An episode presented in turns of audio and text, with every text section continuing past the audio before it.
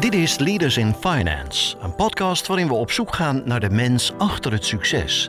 We praten met leiders van nu en later over hun drijfveren, carrière en privéleven. Waarom? Omdat er meer gesproken moet worden in de financiële sector. We willen de partners van deze podcast hartelijk bedanken voor hun steun. Dat zijn Interim Valley, FG Lawyers, Odgers Berndson Executive Search en Roland Berger. Onze gast in deze aflevering houdt zich bezig met de vraag hoe je met hulp van artificial intelligence fraude en het witwassen van bijvoorbeeld drugsgeld tegen kunt gaan. Ooit schreef hij een scriptie met als conclusie, waar hij nog altijd achter staat, dat een groot budget voor het ontwikkelen van een project niet meteen beter is dan een klein budget. Doordat je mensen zo'n ontzettend klein budget geeft of een aantal andere vormen van constraints, het hoeft niet alleen maar geld te zijn, gaan ze op een andere manier nadenken. Want uh, ja, je, je, kan eigenlijk alle normale dingen die je doet, die kan je niet meer doen. Zijn bedrijf Sentinels wil blijven groeien, maar niet ten koste van elke prijs, vindt onze gast. Groei is niet het enige dat telt. En tegelijkertijd zorgen dat we ook echt een, gewoon een sustainable en echt gewoon een heel gaaf bedrijf bouwen. Dus dat we ook niet te hard gaan. Dat we blijven focussen op de verschillende elementen die ons product echt gewoon fantastisch gaan maken. Onlangs heeft onze gast in zijn bedrijf nog eens uitgesproken dat het uitdagen van de bestaande structuren ook kan betekenen dat je dingen eens een keer verkeerd doet. Maar als je iets nieuws doet, dan is het ook best wel uh, ja, te verwachten dat je daar fouten in maakt. Dus dat moet helemaal niet iets zijn wat vervelend is. En uh, het is ook goed om te realiseren dat we bijna alles voor de eerste keer doen. Onze gast in deze aflevering is Joost van Houten. Je gastheer is Jeroen Broekema. Welkom bij een nieuwe aflevering van Leaders in Finance. Deze week met de oprichter en CEO van Sentinels, Joost van Houten. Welkom Joost. Dank je. Leuk dat je er bent. We zitten hier samen in uh, Driebergen bij uh, Grid Bloemenheuvel. En ik zal jou introduceren. En uiteraard doe ik dat zoals altijd bij Leaders in Finance door de naam van de gast te spellen. Dat is Joost, J-O-O-S-T. En dan van en Houten is H-O-U-T-E-N. Zoals gezegd, uh, Joost is de CEO en oprichter van Sentinels. Sentinels is AI-gedreven transactiemonitoring gericht op het detecteren van financiële misdaad. De focus is op fraude, witwas en terrorismefinanciering, tenminste het voorkomen van, uh, van deze zaken. Dus veelal voortkomend uit de verplichting die de meeste financiële instellingen hebben onder de WWFT, de Wet ter voorkoming van witwassen en financieren van terrorisme. Sentinels haalde in haar 2,5-jarig bestaan reeds 8,4 miljoen euro aan groeigeld op bij investeerders.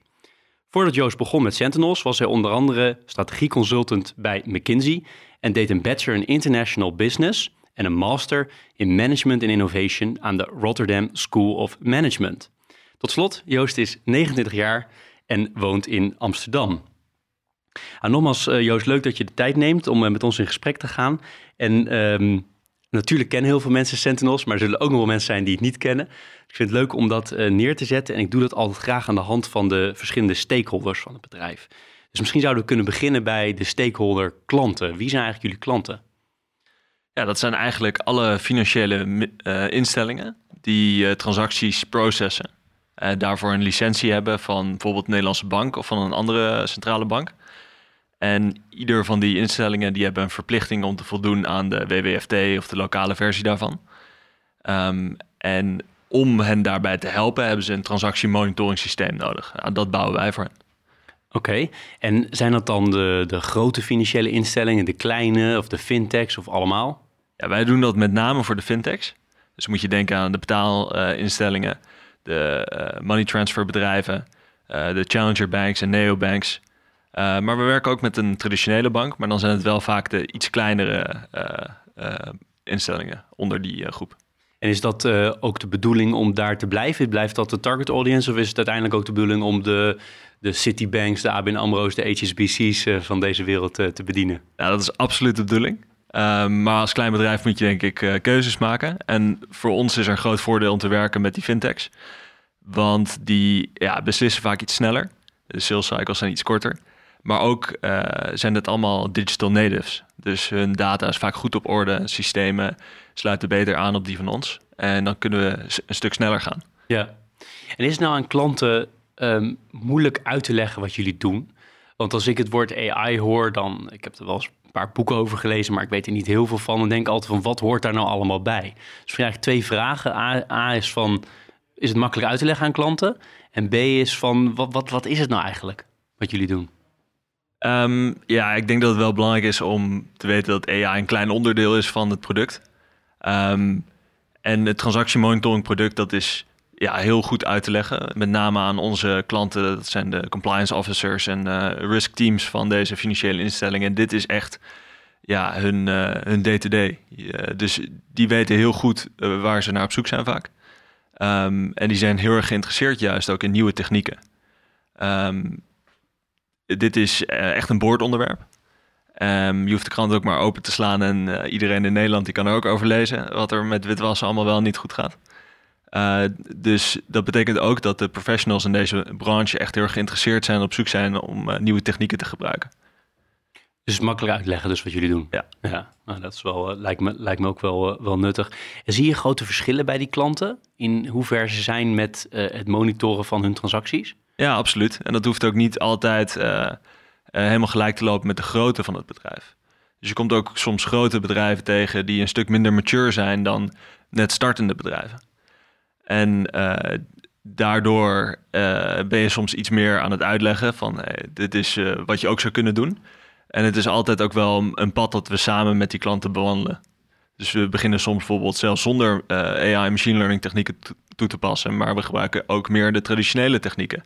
En dan bouwen we in uh, verloop van tijd het vertrouwen op om een aantal van de meer traditionele technieken te vervangen door machine learning technieken. Ja, helder.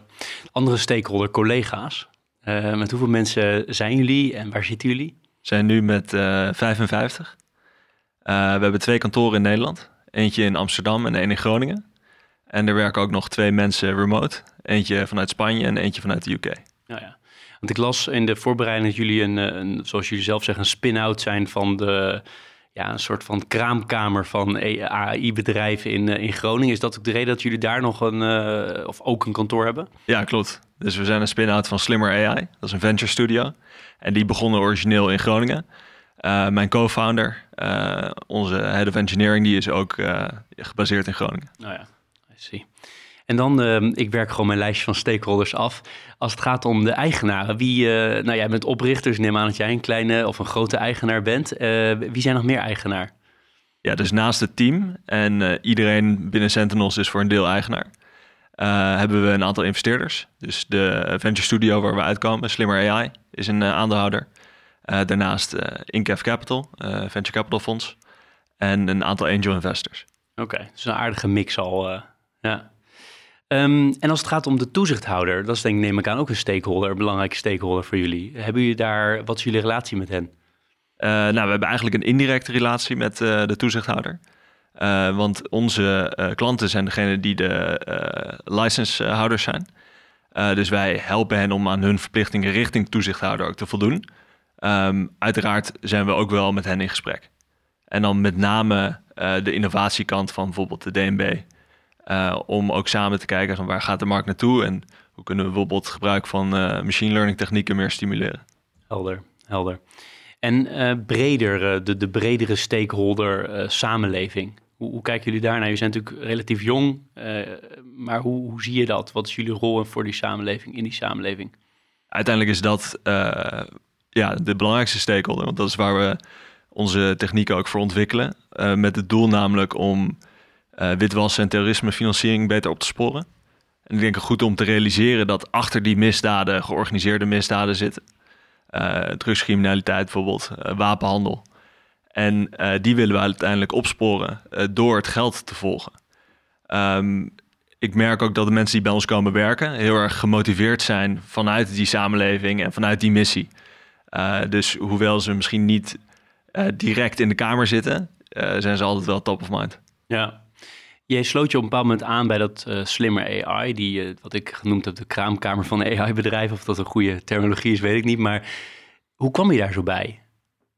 Ja, dat was eigenlijk heel toevallig. Ik um, uh, heb, zoals je ook aan het begin zei, eerst bij McKinsey gewerkt. toen ben ik daar op een gegeven moment weggegaan om bij een klein venture capital fonds een, een van hun startups te leiden. dat was een bedrijf dat er op dat moment niet zo heel goed voor stond en daar ging ik een turnaround doen. een kleine e-commerce startup. En toen ik dat bedrijf verkocht had, uh, toen had ik heel erg de smaak te pakken en had ik gezien ook wat de impact van een klein team kon zijn. Uh, als je elke week bezig bent iets beter te gaan werken. En daardoor was ik ook geïnspireerd om een eigen business te starten. Maar tegelijkertijd wist ik dat ik dit voor de eerste keer ging doen. En dus alle hulp kon gebruiken. En daarom was ook een venture studio zoals Slimmer AI de perfecte omgeving om dat in te doen. Um, en via een jongen die ik uit Rotterdam kende, die net nieuwe investeerder werd in Slimmer AI, ben ik daar uiteindelijk terechtgekomen. Want het was niet jouw opzet om specifiek die AI-kant op te gaan. Ook al zeg je zelf, het is nu maar een onderdeel van ons bedrijf, maar het is wel in, in ieder geval in de marketing een groot onderdeel. Ja, ik denk dat ik wel al sinds mijn tijd bij McKinsey heel erg geïnteresseerd ben geweest in tech. En daar spraken ook de projecten met het meeste aan waar we echt kleine prototypes gingen bouwen. Um, ik denk dat ik, als ik nu bijvoorbeeld mijn studie opnieuw zou doen, dat ik niet business zou doen, maar eerder computer science of misschien wel uh, artificial intelligence. En dus dat trok me wel heel erg aan. En ik uh, geloof ook wel dat problemen die op dit moment niet opgelost zijn, die hebben gewoon een nieuwe aanpak nodig. En techniek kan daar een hele grote rol spelen. Nou, ik denk dat de belofte van machine learning nog steeds heel erg groot is. En dat toepassen daarom op compliance was voor mij ook wel ja, een logische stap. Want over dat slimmer AI, is dat uh, uniek in Nederland? Zo'n plek waar dit soort bedrijven vanuit met, met geleerd aan de universiteit uh, worden. En zijn er veel uitgekomen ook, die, zoals jullie zelf? Wij waren de, de eerste, maar ondertussen zijn er nu nog drie andere bedrijven daaruit voortgekomen. Um, een venture studio of een incubator op zichzelf is niet uniek. er zijn er een heleboel voorbeelden van in Nederland. Um, slimmer AI heeft dan wel weer een, denk ik, een unieke uh, aanpak. Dus ze focussen puur op B2B AI uh, startups uh, en het voortbrengen daarvan. En ze zijn ook best wel hands-on. Dus de eerste engineers in ons team die kwamen vanuit Slimmer AI. en we hebben ja, dat eerste anderhalf jaar van ons bestaan gewoon best wel goede begeleiding vanuit dat bedrijf gehad. En ga je elkaar dan ook helpen als, als bedrijven? Is dat ook de bedoeling dat je elkaar coacht, helpt, meedenkt? Of ben je nu echt eruit en heb je er niet veel meer mee te maken? Um, ja, ik denk wel dat uh, eh, 99% van mijn tijd gaat echt naar Sentinels. Um, maar je helpt elkaar wel informeel. En dat merk je ook breder in uh, een start-up ecosysteem. Uh, we zitten bijvoorbeeld in een gebouw waar meerdere start-ups zitten. En ja, je, je, gaat gewoon door heel veel van dezelfde challenges heen. en daar kan je elkaar heel goed bij helpen. En al zijn het kleine dingen van hoe vind je de juiste notaris om een investeringsronde af te sluiten. Of hoe denk je na over trademarken van je brandname en dat soort dingen. Ik ben altijd heel erg geïnteresseerd in hoe je tot iets gekomen bent. Hè? Dus we hebben nu een beter beeld bij hoe je dan... Nou, we gaan straks nog iets meer over hebben, denk ik. Maar uh, ik ben ook benieuwd naar uh, de transactiemonitoring kant. Hè? Want dat is een onderdeel in die financiële sector. Je had nog honderd andere uh, richtingen in kunnen slaan met, met tech. Waarom deze kant? Toen ik net bij Slimmer AI kwam... toen had ik een paar maanden de tijd om te kijken naar problemen in de wereld... waarvan we dachten dat machine learning echt een verschil kon maken bij het oplossen daarvan. Dus best breed heb ik toen gekeken naar een heleboel verschillende uh, industrieën. Finance was er maar eentje van. En ook een heleboel problemen binnen die industrieën. En toen ben ik aan de slag gegaan door echt proberen zoveel mogelijk experts te spreken en te kijken van ja, wat, wat speelt daar? Um, toen sprong compliance er eigenlijk al bijna meteen uit. En dat was eerst vanuit meer een intellectuele uitdaging. Ik wilde namelijk begrijpen waarom er zoveel mensen in uh, die industrie gingen werken. Want dat is best een uniek uh, fenomeen geweest. Er is in uh, twee, drie jaar tijd een aantal compliance professionals ongeveer keer tien gegaan. En ik wilde gewoon vooral begrijpen van wat doen al die mensen. Um, dus toen heb ik in korte tijd heb ik een stuk of dertig compliance professionals gesproken. Uh, van echt kleine bedrijven tot grote bedrijven en verschillende niveaus. Van transactiemonitoring analisten tot chief compliance officers. Um, en één ding bleef me heel erg bij. Dat waren namelijk super gepassioneerde mensen. Vaak met een criminologie-achtergrond of een uh, verleden bij de IVD of bij de politie. En die waren heel erg gedreven om de maatschappij te beschermen. Of misschien wel de financiële instellingen waar ze voor werkten. Um, en die voelden zich dus echt een onderzoeker, een detective. Um, hun dagelijkse werkzaamheden echter, die zagen er heel erg anders uit. Die, uh, ja, de meeste beschreven dat ze het grootste deel van hun dag bezig waren met het onderzoeken van alerts. Dus uh, verdachte transacties die door een systeem naar voren zijn gebracht. Um, die uiteindelijk helemaal niet verdacht bleken te zijn. En dat gebeurde zelfs zoveel en ook in tooling die niet goed met hun meewerkte. Uh, dat ze zeiden van ja, ik heb echt het gevoel dat ik het grootste deel van mijn tijd aan het verdoen ben. En ik vond het heel gek, want ik kon dat niet matchen met hoeveel mensen daar dus werkten en dat werk dus deden. En ook hoeveel geld daaraan werd uitgegeven. Dus toen, uh, toen moesten we nog dieper gaan om dat te gaan begrijpen. Dat is interessant. Ja, ik kan me voorstellen dat het doel erachter ontzettend, uh, waar je het zelf ook al een beetje refereerde, enorm ja, tot een missie leidt. Dat je echt iets doet. Dat heeft natuurlijk direct impact op mensen hun leven. Ik vind het ook wel mooi als je op jullie website komt, dat je dan uh, zegt die hoeveel geld er is wit gewassen. Uh, ten tijde dat jij op die website bent. En dat neemt echt schrikbarend snel toe. Als je er een paar minuten op die website hangt, dan staat er al miljoenen volgens mij op de teller. Als ik me niet, uh, niet vergis. Ja, klopt. Want het is een gigantisch probleem, hè? Ja. En zijn de banken daar nou uiteindelijk de... Gaan die, spelen die de hoofdrol in het voorkomen hiervan? Nou, ik denk, kijk, de verschillende overheden in de wereld hebben besloten dat de financiële instellingen het meest geschikt zijn om die rol van uh, uh, poortwachter te spelen. Daar, daar kan je over twisten, maar op dit moment is dat gewoon zo. En zij uh, hebben de data um, en zouden ook misschien meer dan de centrale banken of toezichthouders ook de juiste mensen en technieken kunnen ontwikkelen. Dat is het idee. Ja, helder. Ik maak op dit uh, moment in het interview meestal best wel een harde draai. Omdat we komen altijd wel weer langzamerhand weer terug in jouw studententijd en McKinsey en uh, je ondernemerschap. Uh, maar wil jij ons meenemen, wil je iets delen over hoe je bent opgegroeid? Wat voor soort achtergrond je hebt? Ja, zeker. Ik, ik denk dat ik ben geboren in, in Stockholm. ik heb wel een beetje een bijzondere jeugd gehad, denk ik. Ik ben namelijk elke twee jaar tot ik twaalf was, zijn we verhuisd met de familie. Ik heb een uh, oudere broer, twee jaar ouder, een jonger broertje, twee jaar jonger en een jonger zusje, zeven jaar jonger. En we zijn allemaal in een andere plek geboren in de wereld. Dus we gingen van Stockholm naar uh, uh, Nuremberg, naar Los Angeles, naar Eindhoven, naar San Francisco, naar Singapore, Eindhoven, Amsterdam. En, oh, je komt wel vloeiend uit waar je allemaal geweest bent. Ja, dat is niet de eerste keer dat ik dit lijstje opdoe. um, en ja, dat was su super leuk en dat is denk ik heel erg vormend geweest in... Um, dat je elke keer bloot werd gesteld aan een nieuwe cultuur. Uh, dat maakt ook gewoon de familie heel erg close, dus dat was ontzettend leuk. Mensen vragen altijd ook van, ja, was het dan niet jammer om je vriendjes achter te laten? Maar ja, kijk, eerlijk gezegd, als je tot 12 jaar oud, dan maak je gewoon heel snel overal nieuwe vriendjes.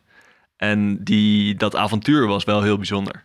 Dat heeft denk ik ook wel heel erg uh, toe geleid dat ik ja, uh, het team bij Sentinels heb gevormd zoals het nu is. We hebben 55 mensen en daarop uh, op zitten er uh, 28 uh, verschillende nationaliteiten nu. En dat is cool, want dat, ja, dat voelt een beetje alsof al die verschillende werelden daar dan een beetje bij elkaar komen. Ja, dat is mooi. Ik heb aan best wel wat gasten gehad die uh, vergelijkbare jeugd hebben gehad, vaak van Shell dan uh, als achtergrond. Um, bijvoorbeeld Helene Vletter van Dort recent en ook Jacqueline van de Ende. En bij beide heb ik gevraagd, dus wil ik dan bij jou ook doen, want dan blijf ik een beetje in lijn. Met van, ben je ook dan een, wat ze vaak noemen, stereotype expat kind? En dan mag je zelf invullen of er stereotypen zijn. Uh, ja, ik, ik, weet niet wat dan precies de stereotypen zijn. Um, maar ik denk wel dat ik bijvoorbeeld zelf een drang voel om gewoon uh, veel ook te reizen. En ook zelf zou ik het heel leuk vinden om op een gegeven moment weer in het buitenland te wonen. Uh, ik ging in Amsterdam wel middelbare school doen. het kriebelde aan het eind daarvan zo erg dat ik ook in Rotterdam ben gaan studeren. Wat mijn vrienden in Amsterdam een beetje raar aankeken. Die dachten van, wat ga je nou in Rotterdam doen? en in Shanghai zes maanden gezeten tijdens mijn studietijd. En ja, dus dat zit er wel in. Um, en de andere stereotypes, ja. ik zal er wel een paar invullen, want dat is makkelijker voor jou. Of jij, ik dacht, jij gaat ze zelf. Nee, bijvoorbeeld dat je heel makkelijk contact maakt met mensen, maar ook heel makkelijk weer afscheid neemt. Dat is een stereotype die je vaak hoort. Dat het moeilijker is om echt lange termijn binding aan te gaan. Um, ja, ik denk dat ik over al die verschillende plekken en bijvoorbeeld niet super goed ben geweest in contact houden met uh, vrienden die je daar dan hebt gemaakt. En verder dat ik gewoon een kleine groep mensen heel intensief spreek. Dus daar heb ik wel dan misschien wel juist heel veel binding mee. Ja. Um, en ik ben ook, als ik ergens op een plek ben, dan ben ik vooral daar. Dus ja. ik ben niet zo van, uh, weet je, de mensen die ik op dat moment niet echt om me heen zie, om daar heel goed uh, mee te engageren. Ja, nee, de andere stereotypes, en dan hou ik op met mijn stereotypen, want voor, voor wat het waard is, maar het is altijd leuk om een gesprek erover te krijgen, is van het, het heel erg thuis voelen in Nederland, maar altijd het gevoel hebben van, hmm, misschien moet ik toch ergens anders in de wereld wel weer zitten. Dat gevoel van uh, qua ook weer een beetje met aarde te maken natuurlijk. Herken je dat? Of? Ja, heel erg. Ehm, ik heb tussen uh, die e-commerce startup en Sentinels bijvoorbeeld ook drie maanden in San Francisco gezeten. Um, om wat meer te leren programmeren en om een product management course te doen. En daar ben ik dan weer helemaal happy. En op een plek kom ik terug in Nederland en denk ik van... wow, oké, dat was toch wel weer een hele andere energie. En dat, dat is dan wel weer heel erg leuk. Dus dat herken ik ook wel, ja. ja. En qua uh, gezin, wat voor normen en waarden kan je dat typeren bij jullie thuis? Was, hoe zag dat er ongeveer uit? Hoe ging dat eraan toe? Wat, een, wat voor sfeer hing er? ja, zoals ik zei, van het was heel erg, heel erg close. Um, Um, mijn broertjes en mijn zusje, die spreek ik ook echt superveel. Mijn ouders en iedereen die woont nu in de buurt van Amsterdam, dus dat is ook wel heel erg leuk. Um, er werd, de bar werd vrij hoog gezet, hè, dus je moest gewoon echt wel uh, goed je best doen. En uh, we waren altijd heel veel aan het sporten. en ik heb met een oudere broer en een jonger broertje waren wij alle drie enorm competitief ook met elkaar. dus er was vroeger ook wel veel strijd en ik denk dat dat later, toen wij iets meer middelbare schooltijd ingingen, dat dat omdraaide naar dat we ook gewoon echt wel heel erg goede vrienden werden van elkaar. Leuk. En dat, dat, of dat competitief of dat er veel van je verwacht werd, dat, ik heb het idee, hè, maar ik ga ik een beetje invullen, maar is dat je, je kan daarop heel erg in meegaan of heel erg op gaan reageren. Is dat ook wat je gezien hebt of is, valt dat wel mee bij jullie? Is iedereen er wel in meegegaan in, het, in de bar, zoals je zelf zei, wat op een hoog niveau zetten? Ja, ik denk dat dat bij mijn broertjes en ik en mijn zusje allemaal net inderdaad wel wat anders is overgenomen. Dus mijn broer die is super competitief. Ik zit er een beetje tussenin en mijn broertje die trekt zich eigenlijk helemaal niks van aan. Die zegt gewoon, weet je, ik doe gewoon helemaal mijn eigen ding. mijn zusje die is iets jonger. die doet ook wel meer haar eigen ding. Misschien is dat ook wel iets meer als je jonger bent, dat je dit wat verder vanaf staat. En dat je zegt van, nou, weet je, jullie doen zo raar. Ik doe gewoon lekker mijn eigen ding. Ja, dan nog een lastige vraag. Hebben jullie iets in jullie gezin waarvan je zegt dat viel bij ons altijd wel, wel, wel op? Of daar dachten we altijd wel anders over dan de meeste mensen? Of was het best wel altijd, waren er niet hele specifieke dingen? Dat vind ik altijd leuk om te vragen. Of er iets leeft in zo'n gezin. Om te kijken of we dat ook weer kunnen terugbrengen naar je huidige uh, uh, werk en leven. Ja, jullie reisden natuurlijk veel, dat was al opvallend. Uh, voor de meeste gezinnen, maar... Ja, ik denk dat, dat wat nu wel uh, opvallend is, is dat mijn oudere broer, dus mijn vader die heeft heel erg een corporate carrière. En mijn oudere broer is begonnen in investment banking. Ik ben begonnen bij McKinsey. Um, en mijn broertje die is in één keer gaan ondernemen. Maar zowel mijn oudere broer als ik, die zijn nu ook allebei aan het ondernemen. Dus dat heeft op een of andere manier heeft die meer corporate carrière van mijn vader. een soort ja, uh, tegenreactie of zo uh, gekregen. Dat nooit. nou ja, de, los van dat we dat wel ook allemaal enorm respecteerden en uh, gaaf vonden. en ook zelf erin begonnen, hebben we nu grappig genoeg dat allemaal helemaal niet. Ja, het doet me denken aan een vorige gast, Bernadette Wijnings. Die zei, het is voor mij om ergens in loondienst te gaan, is plan Z geworden. Ervaar je dat ook zo? Ja, ja. je kan denk ik niet meer terug als je eenmaal aan het ondernemen bent. Waarom is dat zo? Ik begrijp me niet verkeerd. Ik heb enorm veel geleerd bij, uh, bij McKinsey. Uh, en ik zou dat ook niet anders hebben gedaan. Maar de learning curve uh, die ik nu wekelijks ervaar, die is denk ik ongeëvenaard. ik ben zoveel dingen aan het doen die ik nog nooit heb gedaan. En die volgen elkaar allemaal in zo'n rap tempo op. En dat komt ook omdat de snelheid en de groei van dit bedrijf zo, zo hoog is ja, dat, dat is verslavend. Want dan kijk je drie maanden uh, later terug en dan denk je van wauw, uh, wat ben ik en wat zijn alle mensen om me heen uh, enorm gegroeid. Ja. Dan na de eerste fase van de jeugd ga je studeren. Hoe heb je je studiekeuze gemaakt? Ehm, ik denk vooral op basis van wat was mijn leukste vak in de middelbare school. Dat was? economie. Economie, ja. dus toen ben ik naar Rotterdam gegaan en internationale bedrijfskunde gaan studeren. Ja, dat was een enorme leuke tijd. Um, ik moet zeggen dat niet elk vak me daarin aansprak, want het was best wel breed. Je gaat van financial accounting naar marketing, naar uh, strategy, naar... Um, en ja, dus ik pikte daar een beetje tussenuit, vooral tijdens mijn bachelor, wat ik interessant vond. En daar was ik dan ook echt en daar ging ik dan vol voor. En de andere vakken, ja, dat deed ik meer een beetje erbij. En ik vulde mijn studententijd ook met uh, allerlei bijbaantjes en uh, bestuursdingen. en ja, dat was ontzettend leuk om weer een nieuwe stad te ontdekken. Dat gaf me ook, denk ik, dezelfde soort ervaring en energie die ik kreeg van het reizen in, in de eerdere tijd. Ja, want hoe typeer je eigen studententijd? als vooral feest of vooral studeren of ergens tussenin? Hoe, hoe, wat voor soort student was jij? Ik denk dat het een beetje in fases is gegaan. Dat de eerste jaar, de eerste twee jaar waren echt vooral feest. En toen uh, ben ik gaan kijken van, ja, wat kan ik, uh, wat kan ik ernaast doen? Want ik haalde dus op sommige momenten niet zo heel veel uit mijn studie. En dat ging allemaal goed, maar vond ik gewoon niet zo super interessant. Dus toen ben ik dingen gaan organiseren. ik heb onder andere een groot festival georganiseerd in, in Rotterdam, waar je dan eerst zelf een kleine ton aan uh, sponsorgeld voor moest gaan ophalen. En dat je dan helemaal mocht gaan uitgeven met een groep uh, andere studenten. Ja, dat, dat soort dingen vond ik ontzettend leuk. Want dat voelde op een of andere manier, als ik dan nu terugkijk, als een vorm van ondernemen. Um, en ja, dat gaf me heel veel energie. En ik vond ook Rotterdam heel erg leuk. Dus ik vond het ook leuk dat ik op die manier wat terug kon doen voor de stad. Ja, want wanneer wist je nou eigenlijk dat je wilde gaan ondernemen op een bepaald moment? Want ik had even in de voorbereiding ook uh, gekeken, was ergens een, een, interview met jou nog voordat je bij McKinsey moest beginnen, of zou gaan beginnen. Dat wist je volgens mij al wel, als ik dat uh, goed gelezen heb. En dan zeg je ook van, um, and at some point, quote, at some point in the future I hope to use these experiences to lead my own innovative company and solve a world problem with a strong team. Dus je wist het al best wel vroeg, of was het nog veel eerder dat je het al wist?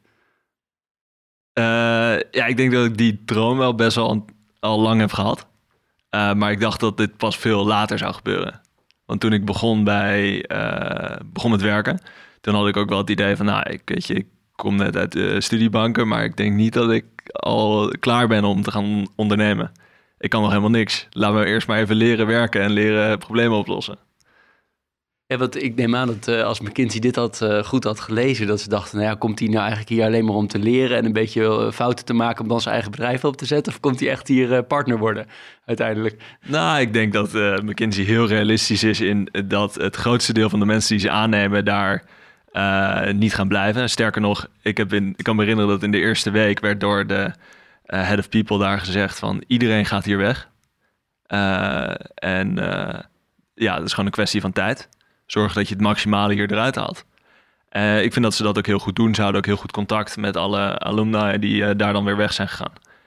Uh, dus ja, gemiddeld blijven mensen denk ik een jaar of vier daar. Ja. Dus ik was misschien iets sneller weg, maar dat is helemaal... en over een jaar of vijf huur jij McKinsey in bij, bij Sentinels, dus wie weet. Maar, um, en, ik, en ik was nieuwsgierig nog naar jou, um, iets inhoudelijks van jouw studie. Want eh, ik las dat je ook een, eh, nou, een hele goede scriptie hebt afgeleverd. Volgens mij heeft zelfs een prijs gewonnen. Ik, ik bereid me altijd een beetje voor door te kijken wat ik allemaal kan vinden uh, over, over mijn gasten. En de titel van die scriptie was When Resource Constraints Lead to Innovation Success. Kan je er iets meer over vertellen? Want het is wel nog steeds super relevant. Ja, ja ik was denk ik in eerste instantie geïnspireerd om daar een scriptie over te maken toen ik... volgens mij was dat in het Architectuurinstituut in Rotterdam was er een tentoonstelling over de Tweede Wereldoorlog. Um, en over dat er daar best wel wat producten waren ontwikkeld um, vanuit andere bestaande uh, day-to-day producten. Ik heb even niet een goed voorbeeld daarvan, maar uh, toen dacht ik van nou, dat is een hele andere manier van nadenken over productontwikkeling. En productontwikkeling was echt een thema in mijn, uh, mijn master. Dus ik dacht van nou, wat als nou dat een uh, stimulans kan zijn om schaarste te creëren, om daardoor uh, mensen te forceren om creatief te denken. Uh, en door dat creatieve denken, dat je dan soms ook betere producten kan krijgen. Dus stel je voor dat je, weet je een groot autobedrijf hebt, neem BMW, en die heeft een paar honderd miljoen aan R&D-budget om de volgende 3-serie te ontwikkelen. Um, wat gebeurt er als je dat team in plaats van uh, die paar honderd miljoen uh, eh, 300.000 euro geeft? En zegt van dit is het, zoek het uit. Dus ja, dat, dat is eigenlijk waar mijn scriptie over ging. En het grappige is dat je, doordat je mensen zo'n ontzettend klein budget geeft... of een aantal andere vormen van constraints... het hoeft niet alleen maar geld te zijn... gaan ze op een andere manier nadenken. Want ja, je, je kan eigenlijk alle normale dingen die je doet, die kan je niet meer doen. Um, en dat is wel cool, want dat leidt ja, op een of andere manier dan ook wel tot, uh, tot mooie resultaten. Dat was jouw conclusie ook van de scriptie, dat het, het werkt, tussen aanhalingstekens. Klopt, ja. Ik had een experiment gerund met uh, uh, 40 uh, studententeams. En het ene deel daarvan, die had ik, uh, volgens mij was het 5 euro gegeven als budget. En de andere kregen iets van 150 euro. Um, uh, en ze moesten daarmee in een paar dagen met een business komen en daar proberen van die 5 euro, van die 150 euro, zoveel mogelijk geld te maken. Uh, en degene die 5 euro kregen, die hebben het veel beter gedaan dan degene die 150 euro hadden gekregen. Het is maar goed dat jij maar 8 miljoen hebt opgehaald en niet 80 miljoen. Uh... Ja, nou ja, kijk, er is natuurlijk bij een start-up ook constant schaarste. En, dat, en ja, dat leidt ook wel tot een andere manier van nadenken. Uh, dan bijvoorbeeld de grote transactiemonitoringspelers. Die zijn er natuurlijk ook in deze markt. Dat is interessant. Ja. Dus eigenlijk is het uh, veel geld uh, niet per se een, een oplossing. Het zit dus toch in de creativiteit die je deels kan afdwingen door niet te veel middelen ter beschikking te stellen. Ja, ik, ik, ik, uiteindelijk is de, de dood van verschillende startups natuurlijk ook als het geld op is. Maar ik denk dat het net zo gevaarlijk is om te veel geld op te halen. Ja, wilde een aantal vragen instellen, meer eh, leiderschap, uh, loopbaan uh, gericht. En eentje daarvan is, um, heb jij bepaalde mensen gehad die heel cruciaal zijn geweest voor, jou, voor jouw loopbaan tot nu toe? Ja, je hoeft ze niet bij naam te noemen, mag wel, maar kan je eens beschrijven wat die voor jou gedaan hebben? Of met jou gedaan hebben? Ja, ja zeker. Nou, ja, een heleboel mensen. En dat, sommige daarvan die blijven ook wel constant en andere dat wisselt heel erg. Dus ik, beide mijn ouders zijn uh, enorm mijn coaches. maar ook heb ik nu bijvoorbeeld verschillende coaches waar ik mee praat. En dat zijn deels investeerders. Het zijn deels echte meer leadership coaches waar ik dan uitdagingen mee deel. Het zijn de startgroep van mij bij McKinsey. Die ondertussen allemaal andere dingen doen. Uh, en leuk om daar gewoon de uitdagingen mee te delen. En uh, dat zijn ook gewoon goede vrienden. Dus ja, een heleboel verschillende En is dat met name, bijvoorbeeld met je ouders, is dat met name coaching als persoon, zeg maar? Of meer coaching inhoudelijk? Of, of met die investeerders? Zijn er, bieden ze zeg maar verschillende soorten coaching, als ik het zo mag uh, verwoorden? heel erg, ja. Um, ik denk met, met mijn moeder is het meer voor mij coaching als persoon. Is het ook af en toe wel even, gewoon even de spiegel voorhouden van... Um, met mijn vader is het uh, vaak meer de businesskant, uh, leiderschapsuitdagingen. Um, met mijn uh, startgroep of peergroep van McKinsey zijn het, kan het wel wat tactischer zijn. Meer de, ja, hoe denk je over dit probleem na? Um, en met de leiderschapscoaches en investeerders zijn het vaak van nou, hoe ga je uh, ook bijvoorbeeld als leider nu een volgende fase van uh, Sentinels in, van een start-up in. Uh, het verschil tussen 15 mensen bedrijf leiden en 60 is heel erg groot. Want in de eerste situatie ben je eigenlijk de chief problem solver. Elk probleem, daar ben je mee bezig en samen met mensen aan het oplossen. En in de tweede situatie ben je meer de leider van verschillende leiders. ik heb bijvoorbeeld een supersterke CTO en andere mensen in mijn managementteam. Eh, die moet ik vooral zorgen dat ik die met rust laat over hun verschillende onderwerpen. Want die weten daar veel meer van dan ik. En dat is wel een omslag. Uh, zeker als je, zoals ik, echt een problem solver ben. Ik vind het leuk als iemand met een probleem komt, dan uh, wil ik me daarin gaan verdiepen. Dus dat, dat zijn dan meer echt ook ontwikkelingen die je zelf door moet maken. Ja, want wat denk jij dat je, als je maar één ding mag kiezen, wat jouw belangrijkste manier van motiveren is van, je, van de mensen met wie je werkt? Ik denk dat het ontzettend belangrijk is om te praten over waarom en uh, waar gaan we naartoe en waarom gaan we daar naartoe? En als mensen dat snappen en uh, als je dat enthousiast kan vertellen uh, en ze daarin geloven, ja, dan gaan ze daar heel dus hard heldere voor. richting en met heel veel enthousiasme brengen. Dat zijn toch twee dingen, maar dan dat, dat is jou, denk je, de belangrijkste. Ja. ja. ja. En is dat als het even slecht gaat, want die momenten zijn er ook, neem ik aan, is het dan moeilijk om enthousiast te blijven? Ja, en dat hoeft ook niet als het even slecht gaat. Ik denk dat je dan ook wel even heel eerlijk mag zijn van... Hey, het gaat shit. En, uh, of ik weet ook niet uh, nu hoe we, hoe we verder moeten. Zo'n soort van... Uh, hoe noem je het, wat Nederlands woord? ben ik even kwijt, maar vulnerability is... Mm, kwetsbaarheid. Kwetsbaarheid. is ook heel erg krachtig. dus het hoeft... Maar die, die brandende missie van waar we naartoe werken, die blijft wel bestaan. Maar je mag ook best even eh, laten weten van... hey, eh, eh, ja, dit is wel echt shit. En het omgekeerde van dat woord, waar ben je het meest trots op? Waar ben je het meest enthousiast over tot nu toe wat je hebt bereikt? Ja, dan is dat absoluut Sentinels. En, En maar welk onderdeel daarvan? Ehm, ja, we hebben eigenlijk in hele korte tijd een product gelanceerd. In een markt waar eh, zeker tien andere bedrijven eh, vergelijkbare systemen proberen te bouwen. En we winnen nu regelmatig van eh, spelers die gewoon vijf of tien jaar langer in deze markt zitten. Ja, dat is heel erg gaaf. Dat soort momenten en de feedback die we krijgen van prospects en van klanten. Daar word ik het meest enthousiast van. Dat vind ik ook ontzettend leuke gesprekken om te voeren. Om te begrijpen van waar zit nou het probleem? Hoe kan ons product daarbij helpen? En als ze dan uiteindelijk voor ons kiezen, dan ja, dat is eh, een van de meest eh, eh, rewarding dingen die we, die we kunnen doen. Dus we hebben recent ook een, dat noemen we het Client Connect program opgezet. En dat, dat is intern. Maar daar komen de compliance officers of de CEO's van recente klanten aan ons team vertellen waarom ze voor ons hebben gekozen. En dat is zo gaaf, want vaak komen daar ook nog nieuwe dingen naar, naar voren, want zij bereiden dat natuurlijk ook voor. Eh, maar om ons team, eh, en dat is nog steeds 70% eh, engineers, productmensen, uh, die echt het product aan het bouwen zijn, bloot te stellen aan iemand die net het product heeft gekocht. Ja, dat is echt fantastisch. Die dat is leuk, interactie ook leuk is echt heel cool. doen. Ja, heel, Dan erg bouw je leuk. ook echt lange termijn relaties op, denk ik. Ja, Want klopt. neem aan dat ze ook vertellen wat ze minder vonden of waarvan ze zeggen, nou, dat, daar zitten we nog wel een beetje met, met spanning te kijken hoe zich dat gaat ontwikkelen. Zeker, dat wordt soms wel wat voorzichtiger gebracht. Dus daar moet je dan ook wel een beetje op doorvragen van... Hey, wat, waar twijfel je over? Ehm, ja, dus dat, maar dat is ook goed, goed leuk, wat leuk idee ook wel om te doen. Eh, het kost namelijk best wel veel tijd ook. Je moet die mensen er weer bij elkaar zitten krijgen, digitaal of, of eh, fysiek. Dus het kost ook een inspanning van jullie kant om echt... Op die manier hou je natuurlijk wel echt feedback binnen. Ja. Ja, leuk. Leuk idee. En aan de challenging kant, hè, wat, is nou de grootste uitdaging voor jou als persoon?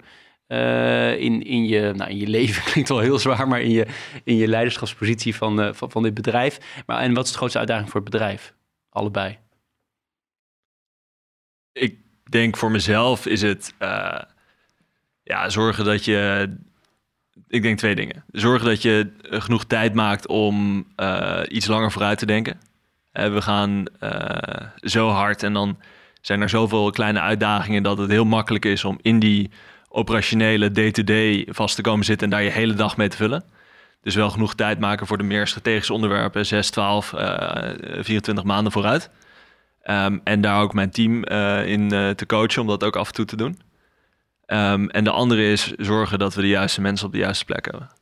En dat is echt wel het allerbelangrijkste. En ehm, als je kijkt naar hoe snel wij groeien, groeien 3, 4x eh, per jaar, eh, dan is zes maanden vanaf nu is, zijn de uitdagingen zo erg anders.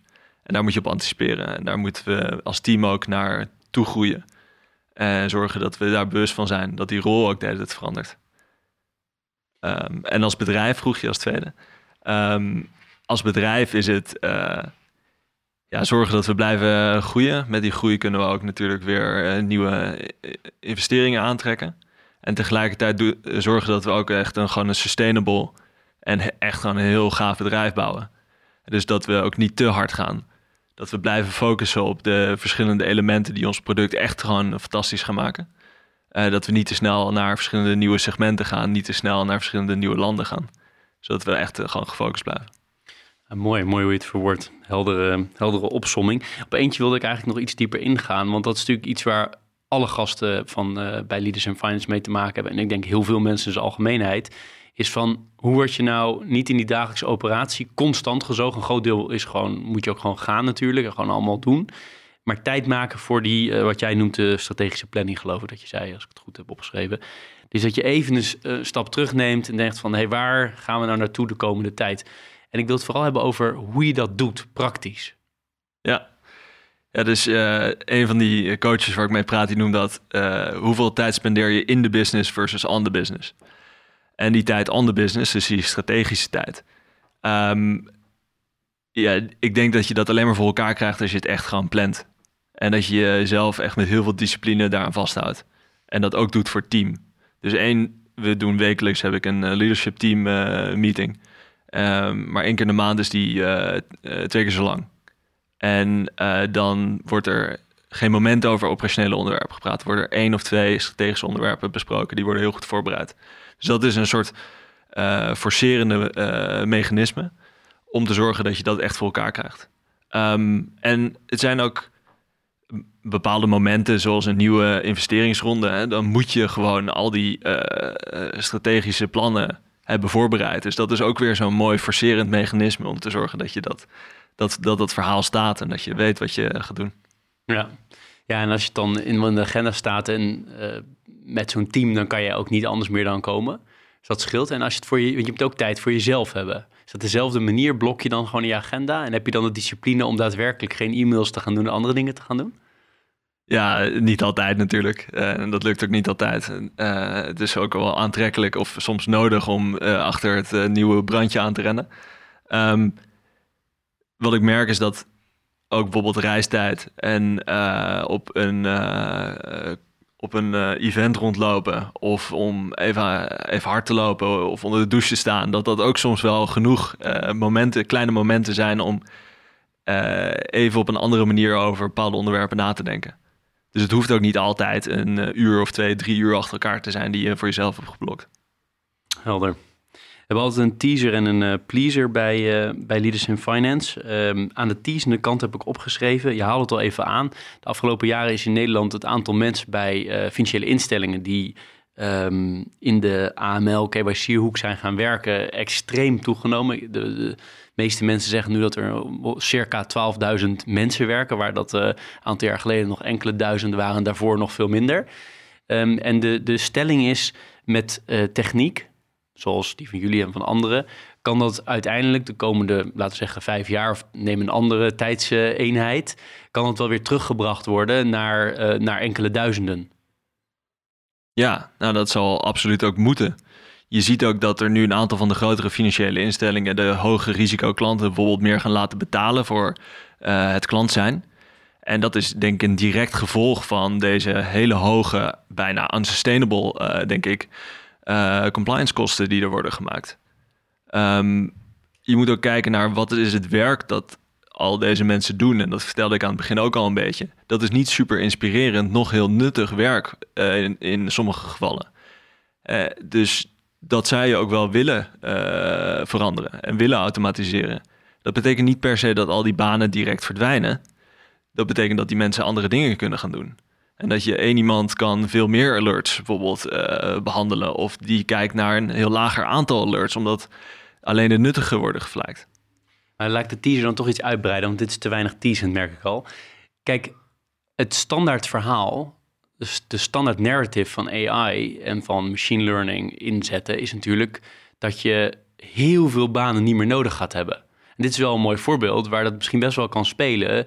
Ja, natuurlijk heb je nog wel uh, data scientists nodig en echt hele zware specialistische banen. En natuurlijk heb je ook nog wel wat mensen nodig die die, die, die alerts bekijken. Maar is het niet gewoon uiteindelijk zo dat er gewoon veel minder werk zal zijn in deze sector daardoor. En dat die mensen gewoon hele andere dingen moeten gaan doen. Ja, 100%. Ja. En de mensen die in deze sector blijven werken, die hebben niet alleen een criminologie-achtergrond, maar die begrijpen ook de techniek. En dat is een hele uh, gave combinatie, maar die ook echt nodig zal zijn om die criminelen te gaan pakken. Want die werken ook op die manier. Ja, het is best grappig dat je dus uiteindelijk tech verkoopt aan uh, bedrijven die daardoor heel veel mensen ja, toch zullen moeten ontslaan. Klinkt wel erg negatief misschien, maar daar komt het wel op neer in de praktijk. Ja, nou, en als er genoeg groei is uh, in andere aspecten van die business, dan komt dat ook weer goed. Ja, ja, ja. dat is ook een vorm van uh, creative destruction, noemen ze dat volgens mij. Helder. Ik had toch teasender moeten maken, maar goed. Het is wel een interessant antwoord. Aan de pleasende kant vragen we altijd hetzelfde. Namelijk, heb je bepaalde boeken die jou hebben geïnspireerd... of die je aan mensen geeft... of anderszins leuk vindt om te delen met, met de luisteraars? Ja, ja ik, ik denk dat we binnen Sentinels hebben een bepaalde filosofie. We zijn best wel humble in dat we heel veel dingen gewoon niet weten. Um, Misschien mag ik twee boeken noemen. Want... Oh, je mag, er zijn mensen die wel twaalf boeken noemen. Dus. Oké, nou heel goed. Dus, uh, want ik wil dit voorbeeld even uh, eerst beschrijven. Um, toen we net begonnen, toen waren ik en een andere jongen met een investment banking achtergrond en ik dus met een consulting achtergrond uh, bezig om onze business development op te zetten. Maar we wisten allebei niks van sales. Dus toen hebben we een boek gelezen. En dat boek heette Predictable Revenue. En dat sprak ons aan omdat uh, ja, dat een hele data-gedreven manier was om uh, te ontdekken wie de beste klanten zouden kunnen zijn. En hoe je die dan gaat benaderen. En dat zijn we gaan toepassen. en op gaan itereren. En we hebben daar de, heel veel ups en downs in gehad. Maar uh, dat heeft uiteindelijk tot uh, een deel van ons succes geleid. Um, dus ik geloof er heel erg in dat je, als je iets niet weet, dat je dan gewoon een goed boek moet oppakken. En een aantal mensen uh, kan spreken die er wel heel veel van af weten. En dan gewoon moet gaan proberen. Um, als ik kijk, en dat hebben we dus voor ieder team is er wel een boek dat eigenlijk de, de, de, de toon of de methodologie heeft gezet. Uh, dus ik zou er zo inderdaad 12 kunnen noemen. um, als ik kijk naar mezelf en vooral naar dan uh, het ondernemen, dan denk ik dat uh, Zero to One wel mijn favoriete boek is. Waarom? Um, voor mij komt daar heel erg naar voren dat er wordt gewoon ja, niet geromantiseerd hoe het is om een start-up te runnen. en er zijn een aantal concepten die daar naar voren komen die we echt gewoon heel erg toepassen en gebruiken. Dus eentje is bijvoorbeeld je kan een team van missionaries of een team van mercenaries aannemen. de mercenaries zijn de, de hired guns, de, de, de contractors, de, de mensen die uh, wellicht per uur betaald worden. En ik bedoel, dat is niet per se iets mis mee, maar uh, ga je daar een heel team van uh, in elkaar zetten die ook in tijden dat het echt gewoon niet goed gaat, doorzetten en het bedrijf gaan bouwen? Of heb je een team dat echt gelooft in de missie? En dat daar is uit intrinsieke motivatie. En uh, die dus tot het einde zal zijn. Uh, of het nou aan het einde goed gaat of niet goed gaat. Ja, dat een mooie. En als het gaat om niet werkgerelateerde dingen, wat lees je dan? Of semi-werkgerelateerd? Uh, ja, ik heb daar geen tijd meer voor. Ja, absoluut. ik heb twee, ja, twee soorten boeken die ik daarnaast, of drie soorten boeken denk ik, die ik daarnaast heel leuk vind om te lezen. Dus echt thrillers. En dat zijn dan vooral de, de Nordic misdaadromannen. Um, dus Joe Nesbo vind ik leuk om te lezen. Daarnaast vind ik het heel erg leuk om te koken. Dus mijn boekkast staat vol met kookboeken. Ah, wat zijn de favoriete gerechten? Dat is heel divers. Ik denk dat dat ook wel komt omdat we op veel plekken hebben gewoond. maar ik vind bijvoorbeeld de complexheid van Otto Lengi of van een echt een sterrenchef proberen na te doen. Uh, dan het liefst wel met iemand anders samen in de keuken. Want dat is dan toch wel een stuk leuker als je de hele dag daar staat. Dat, dat vind ik heel erg leuk. Um, en daarnaast ben ik heel erg geïnteresseerd ook in managementboeken. Dus de, um, dingen als uh, What is Water, die een oud collega van mij van McKinsey heeft geschreven. Uh, het is een ontzettend interessant boek, vooral voor jonge leiders, om ja, sens te maken van de wereld en hen te helpen om daar beter in te worden. Leuk, leuk om te horen. En um, als we van het lezen weggaan naar, um, naar meer de, de, het managen van je werk en je privé. Zit wel weer een beetje in die hoek. Maar hoe doe je dat? Want wat ik altijd te horen krijg is dat mensen eigenlijk altijd met hun werk bezig zijn. Ook al zijn ze niet met hun werk bezig.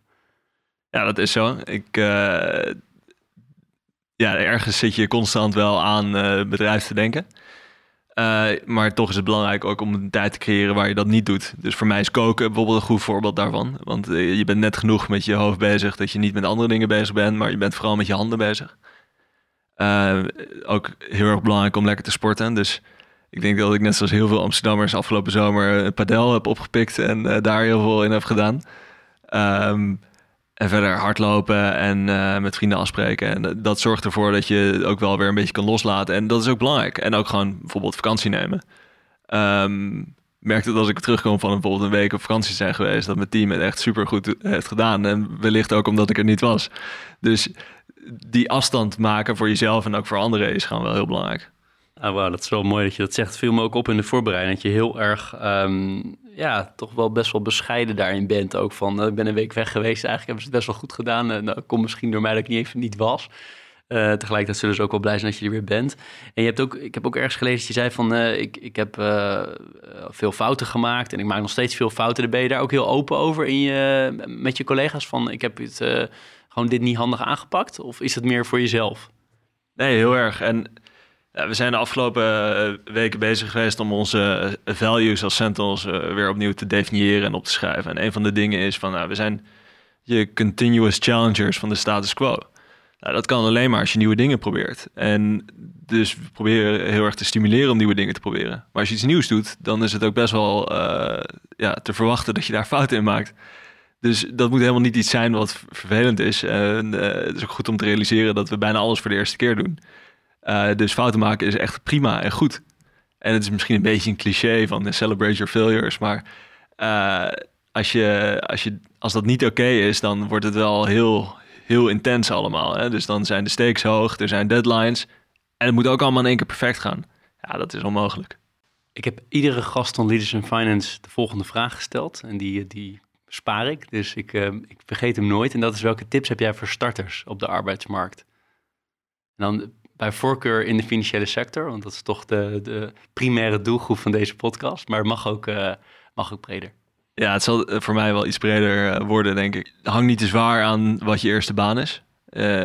Dan is het ook iets minder stressvol om al die interviews te doen.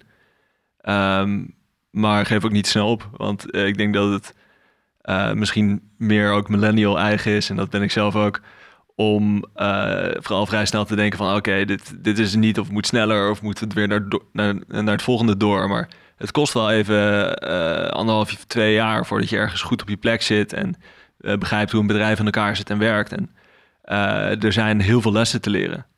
Um, en misschien kan ik ook nog één les doorgeven die ik in die eerste week bij McKinsey kreeg van de head of people daar. Die zei van, nou, iedereen gaat weg, maar zorg dat je wel weggaat voor de juiste reden als je hier een challenge hebt die jou bijna gek maakt en zegt van, nou weet je, ik, uh, ik stop ermee. Moet je eigenlijk nog even blijven. Zorg dat je die challenge overkomt en ga dan pas weg. Want anders ga je bij je volgende bedrijf, loop je wellicht weer tegen hetzelfde aan. Dat is mooi. Ja. Als we naar de iets langere termijn kijken, kijk, de, als ik vraag wat, wat gaat de komende tijd gebeuren, dan uh, is het uiteraard dat Sentinels uh, veel aandacht gaat krijgen en groot gaat worden.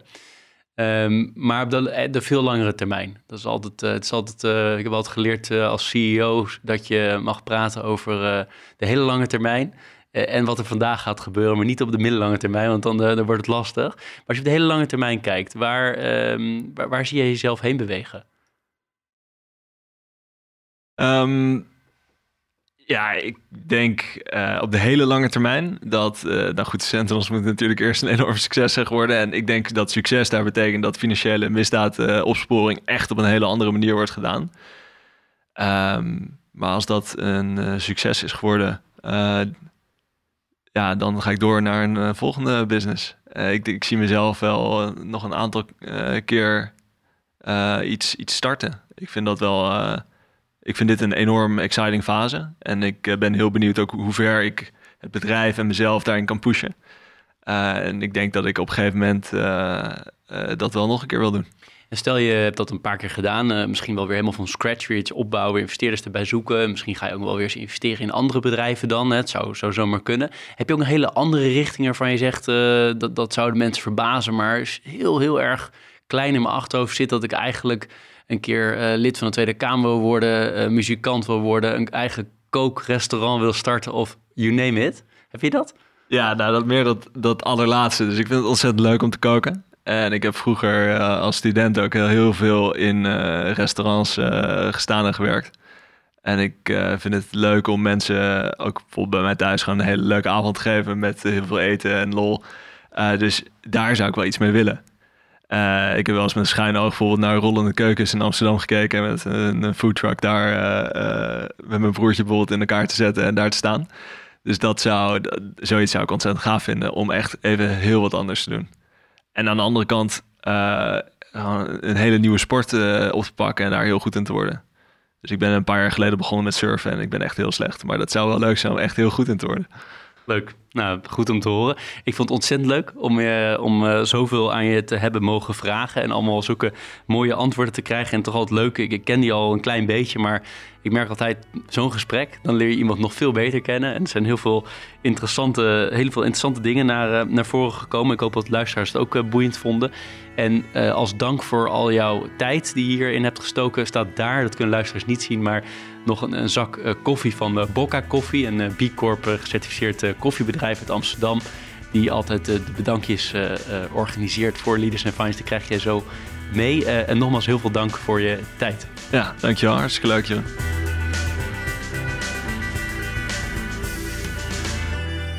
Dit was Leaders in Finance. We hopen dat je deze aflevering met veel plezier hebt beluisterd. We stellen je feedback erg op prijs. Wat houdt je bezig en over wie wil je meer horen? Laat het weten via een Apple of Google review. Dat kan ook via de sociale media kanalen of direct via een e-mail. We kunnen het enorm waarderen als je dat doet. Tot slot danken we onze partners voor hun steun. Dat zijn Interim Valley, FG Lawyers, Odgers Berndsen Executive Search en Roland Berger.